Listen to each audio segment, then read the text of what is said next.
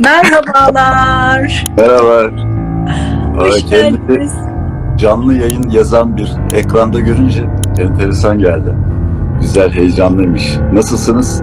Bana da çok heyecanlı geldi. Ben de bugün çok nadir heyecanlı olduğum günlerden bir tanesi. İyiyim. Nasıl bu kadar şanslı olduk? Teşekkür ediyorum. Gerçekten harikayız. Sizi gördük, çok daha iyi olduk. Mavi, mavi. Çok ilginç. Ben de bir mavi son saniye bir mavi giydim. Bir anlamı vardır mutlaka mesaj olarak bir oy oy oy. Ee, Pazarlar biliyorsunuz banyo günü. saçlar, saçlar ıslandı üşütmeyelim kafayı. Üç kuruşluk aklımız var onu da yitirmeyelim baş ağrısıyla diye bir bereyle şey yaptım. Evet. Ben dedim ki çalıştım böyle şeyini. Güne eş değil. Evet. Yanlış söylemeyeyim diye çalıştım. Yanlış söyledim. Ee, çok güzel bir ilginç bir konu başlığı. Sormuşlar çok ilgi gördü konu başlığı bile. Bir kere Canlarım Levh-i Mahfuz kitabının yazarı. Yani ben inanılmaz heyecanlıyım. Çok heyecanlıyım şu Levh-i Mahfuz. Ben de aynı heyecanı paylaşıyorum size. Estağfurullah sevgili Can. Evet biraz bir başlayalım ucundan kenarından bir yerden. Tamam. Maviler çok yakışmış saçlarınız Teşekkür ederim. İşte budur kendi olmak. Ee, Aynen. sizlerden öğreneceğiz kendimiz olmayı, biricik Evet. olmayı, özel olmayı. Ee, illaki illaki çizilen kurallar dışında bize bize o kadar çok tutturdular ki hep biz birbirimize benzemeye çalıştık. Kaşımızla, gözlüğümüzle, kıyafetimizle, e, düşüncelerimizle farklı bir şey düşünemez olduk. Farklı bir şey yiyemez olduk. Evet ve siz kendiniz gibi olduğunuz için ben daha başlamadan önce size çok teşekkür ediyorum. Ben teşekkür ederim. Ben teşekkür ederim. Aslında e, o kadar güzel bir şey söylediniz ki bu hepimizin başından geçen bir şey. E, yaşadığımız toplum, ailemiz yani en güzel ailelerde de büyümüş olsak bir şey değişmiyor. Bir kültür var, bir çocuk büyütme, bir çocuk yetiştirme kültürü var. E, bu kültür zaten bu kültürü aşabildiğiniz ölçüde bir şeyler yapabiliyorsunuz. Aşamadığınız ölçüde standartlaşıyorsunuz. O kültüre ihtiyacımız da var. Yani aileye de ihtiyacımız var. Ee, topluma da, toplumsal değerlere de ihtiyacımız var. Ama zaman zaman onları dinlememeye de ihtiyacımız var. Ya bir denge tutturmakla ilgili bir şey. Ee, Lev Mahfuz dediniz. Lev Mahfuz'la ilgili benim yani bana en büyük e, benim hayatıma yani Lev Mahfuz bu.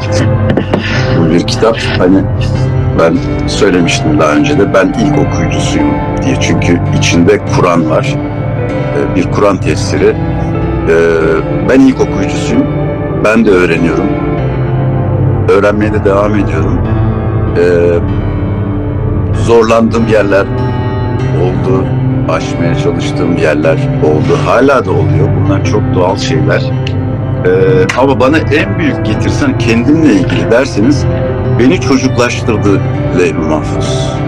Yani bu kitapla ben eee, her geçen gün daha çocuklaştığımı hissediyorum. Bunun önünü açtı. Yani bu benim için eminim herkes için müthiş bir şey olsa gerek. Eee, hani yaşlandırmayan, çocuklaştıran yani tekamülü çocuklaşmak olarak açıklayan bir kitap, bir kaynak. Eee bu tabii bütün ezberlere aykırı düşen bir şey. Şimdi yani benim tipime de baktıkları zaman böyle bir şey olmuştu. Bir kargo firmasıyla e, anlaşma yapacaktık. İşte bu kitapların anlaşmasıyla ilgili. İşte oradan bir yönetici geldi. Ne işle meşgulsünüz? Ne, ne göndereceksiniz? Kitap göndereceğiz. Kim yazıyor kitapları? Ben yazıyorum. Konusu nedir? Ben genelde felsefe diyorum, şey yapmıyorum. Ama şimdi bazıları zorluyor. O dedi, çok severim felsefeyi. Ne felsefesi dedi. İslam dedim. İslam'la ilgili ne dedi? Dedim ben bin yılın Kur'an tefsirini yazdım. Adamcağız şöyle bir arkasına yaslandı. Siz dedi bir ilahiyat eğitiminiz var mı? Hayır dedim ben. İletişim ve endüstriyel tasarım okudum.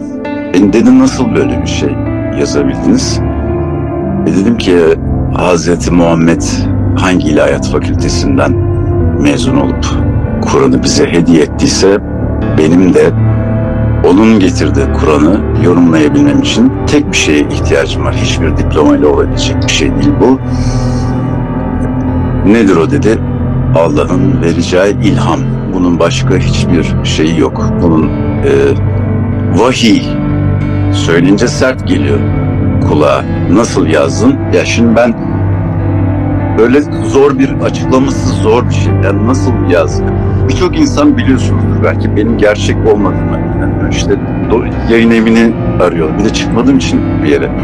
Yayın evini arıyorlardı. Bir kim bu Burak Özlem? İşte profesör bilmem kim mi? O mu bu? Bir, bir tanesine ben çıktım. Kimse de yoktu. Ya kim bu Burak Özlem ya? Dalga geçmeyin bizle. Biz genç, o zaman da genç zamanında tabii ki. Şimdi artık 50'lere yaklaştım. Ee, inanmıyor bazı şeylere. Ben de hak veriyorum. Ya benimle ilgili Dev Mahfuz'la ilgili insanların aklına gelebilecek her türlü soru işaretine, her türlü reaksiyona, her türlü şeye benim sonsuz saygım var. Sonsuz. Bunlar çok olağan şeyler. Az bile hatta. Yani benim kendi kendime, kendi verdiğim reaksiyonları bildiğim için bunlar son derece anlaşılabilir şeyler. Toplumun, dinlerin hiçbir kalıbına uymayan bir şey. Ama zaten hani hep hayatım benim yani son 10 kaç geçen gün hesaplamıştım yine unuttum. Ben 17 yıldır inzivadayım.